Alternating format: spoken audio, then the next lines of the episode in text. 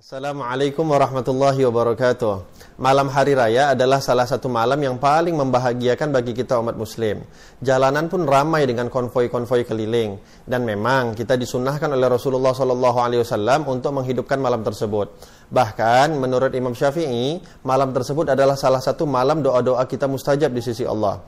Oleh sebab itu, kita dianjurkan untuk memperbanyak ibadah di malam tersebut, bukan hanya hura-hura yang justru banyak melanggar syariat. Ayo kita perbanyak sholat sunnah, membaca Al-Quran, dan berzikir kepada Allah Subhanahu wa Ta'ala.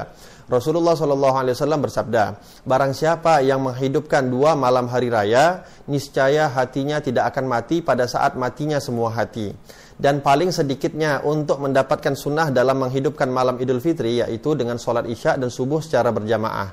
Semoga ibadah kita di bulan Ramadan ini diterima oleh Allah Subhanahu wa taala. Taqabbalallahu minna wa minkum minal aidin wal faidin. Selamat merayakan Idul Fitri. Mohon maaf lahir dan batin. Assalamualaikum warahmatullahi wabarakatuh.